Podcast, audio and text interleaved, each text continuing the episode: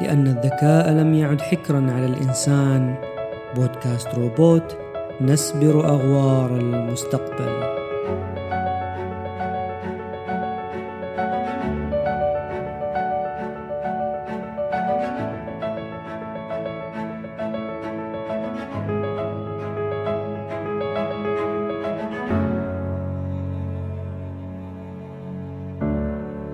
لاحظ المتابعون في مؤتمر أبل الأخير للمطورين أن الشركة قد استنسخت العديد من التصاميم الموجودة في أنظمة التشغيل الخاصة بها على الأجهزة الأخرى مثل الآيفون والآيباد إلى نظام التشغيل الخاص بأجهزة الماك أو الكمبيوترات. فأصبحت مثلا واجهة المستخدم لتطبيق الإعدادات مشابهة تماما لتلك الموجودة في أنظمتها التشغيلية الأخرى.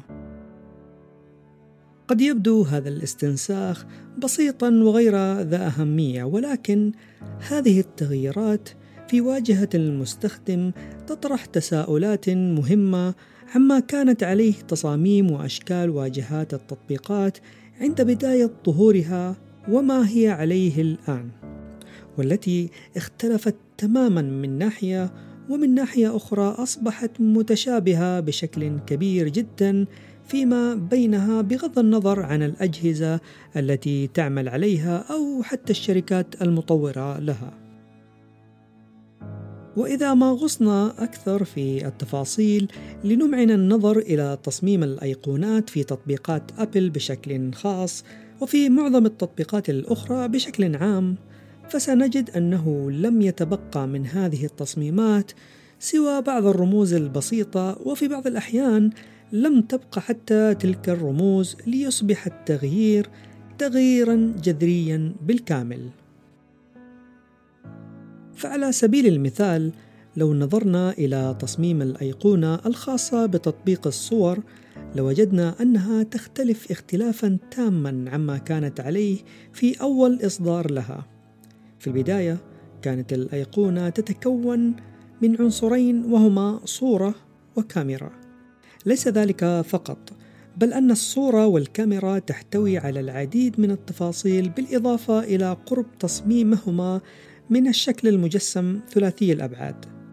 أما الآن فهي عبارة عن أيقونة بيضاء مسطحة تحتوي على مجموعة من الألوان. السؤال هنا لماذا كان أول تصميم معقد ومفصل ومجسم ومن ثم تحول إلى شكل مسطح مبسط جدا. قد يعتقد البعض بأن ذلك التطور تطور طبيعي مثله مثل أي تطوير في أي منتج. فنحن نكتسب مع مرور الوقت المزيد من الخبرات والتجارب التي نستخدمها في تحسين المنتجات والخدمات وبالتحديد هنا أشكالها وتصميمها. ولكن المسألة ليست بهذه البساطة والبديهية. الحقيقة أن وراء هذا التغيير مبدأ مهم من مبادئ التصميم. في عالم التصاميم هناك مصطلح مهم اسمه سكيوا مورف.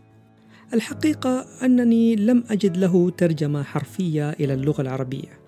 ولكنه يمكنني تفسيره بمحاكاة عنصر من عناصر واجهة المستخدم في تطبيق ما لمثيله في العالم الحقيقي.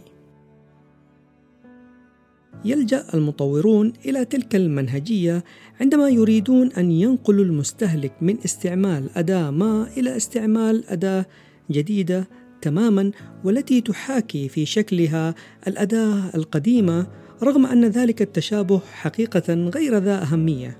وتلك المحاكاة ليس لها أي أثر على استخدام الأداة الجديدة. إذا فما الداعي لاستخدام هذه المنهجية في التصميم أساساً؟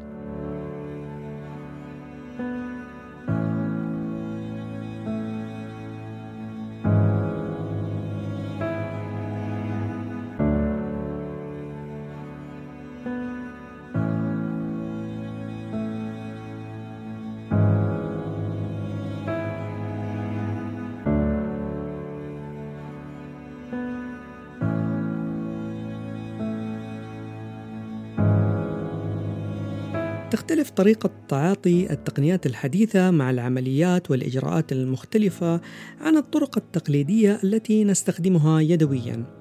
على سبيل المثال فإننا سابقا عندما يريد أحدنا التراسل بريديا مع جهة أو شخص ما فإن عليه كتابة تلك الرسالة على ورقة ومن ثم طي الورقة ووضعها داخل ظرف بريدي ومن ثم إغلاقها بإحكام ووضع الطوابع اللازمة وأخيرا الذهاب إلى مكتب البريد ووضعها في صندوق الإرسال.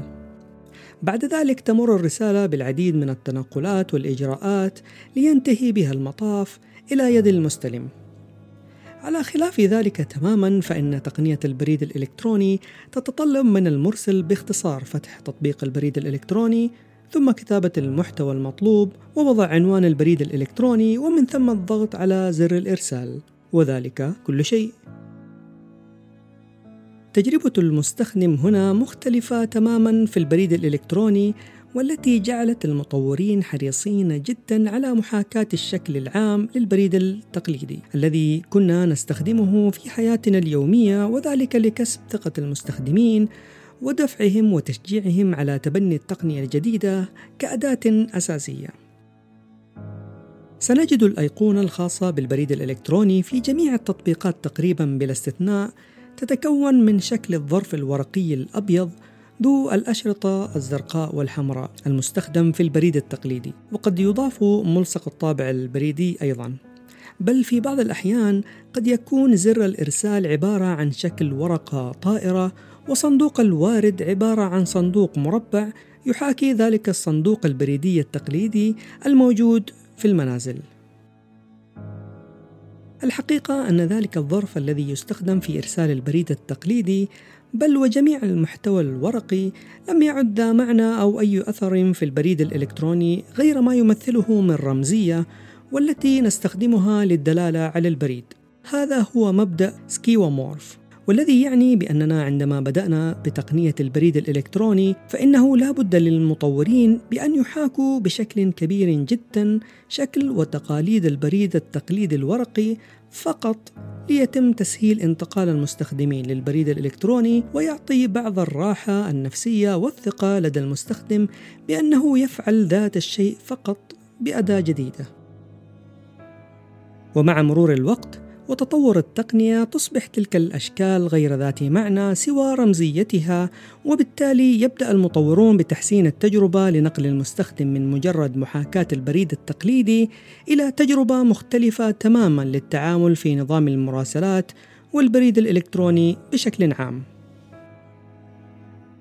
سيأتي اليوم أو ربما قد أتى الذي قد نجد فيه بعض الأشخاص ممن ليس لديه أدنى فكرة عما هي ذلك المربع الأبيض الذي يحتوي على أشرطة زرقاء وحمراء حيث أنهم لم يستخدموا أو يعرفوا أصلا ما الفائدة منه أو إلى ما يرمز ذلك الشيء.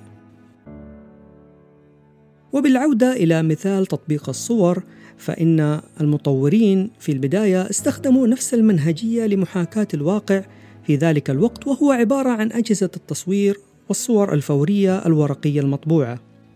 ولكن ومع استخدام الناس للأجهزة المحمولة في التصوير بشكل كبير بالإضافة إلى الاعتماد الكلي على النسخ الرقمية للصور تحولت تلك الأيقونة للوحة بيضاء بسيطة مسطحة من ثماني ألوان والتي تعكس ماهية التطبيق والذي تجاوز كونه محفظة للصور الملتقطة إلى مساحة لأي صورة رقمية المصور منها أو حتى المرسوم يدويا أو رقميا والتي تمثل ببساطة مجموعة ألوان.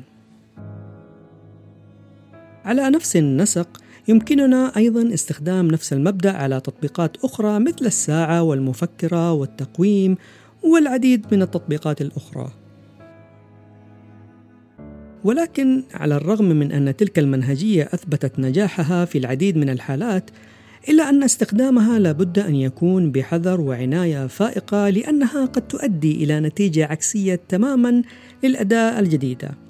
فعلى سبيل المثال عندما تم إصدار الساعات الذكية كبديل للساعات التقليدية قامت الشركات المنتجة بمحاكاة واجهة الساعة التقليدية ولكن بشكل حرفي جدا.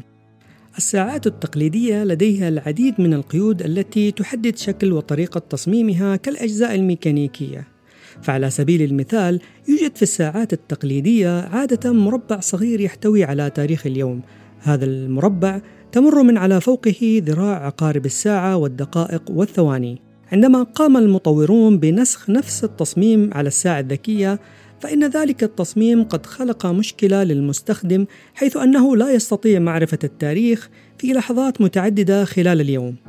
وهي تلك اللحظات التي يمر عقرب الساعة أو الدقائق أو الثواني فوق التاريخ ليقوم بتغطيته.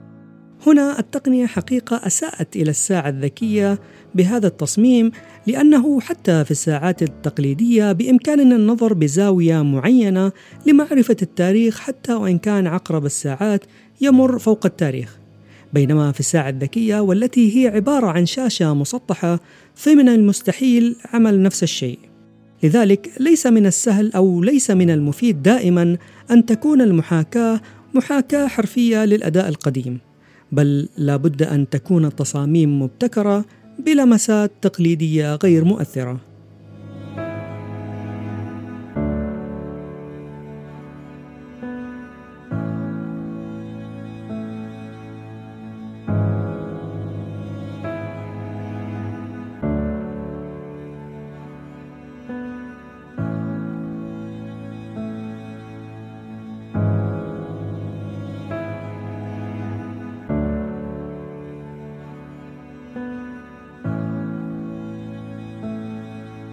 أعتقد بأن الزمن الآن قد تجاوز منهجية المحاكاة أو skeuomorph وانتقلت إلى ما يسمى بالمنهجية التبسيطية أو minimalism والتي تقوم على تبسيط واجهة المستخدم وتصميماتها إلى أبعد حد بحيث تكون أقرب إلى الفراغ ولكنها في نفس الوقت تؤدي نفس الغرض أو على الأقل تؤدي الأشياء المهمة فعلا أو المستخدمة وتتخلص في نفس الوقت من أي مزايا أو أدوات ليست ذات فائدة أو هي فقط مستنسخة من الأداة التقليدية القديمة أو على الأقل تقوم بإخفائها من الواجهة.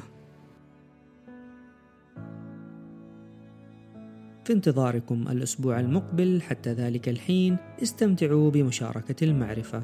شاركوا هذه الحلقة مع من تحبون كما يسعدنا سماع اقتراحاتكم على إيميل البودكاست أو حسابات البودكاست على وسائل التواصل الاجتماعي والموجوده جميعها في وصف الحلقة. هذا أحمد وشكرا لاستماعكم لبودكاست روبوت.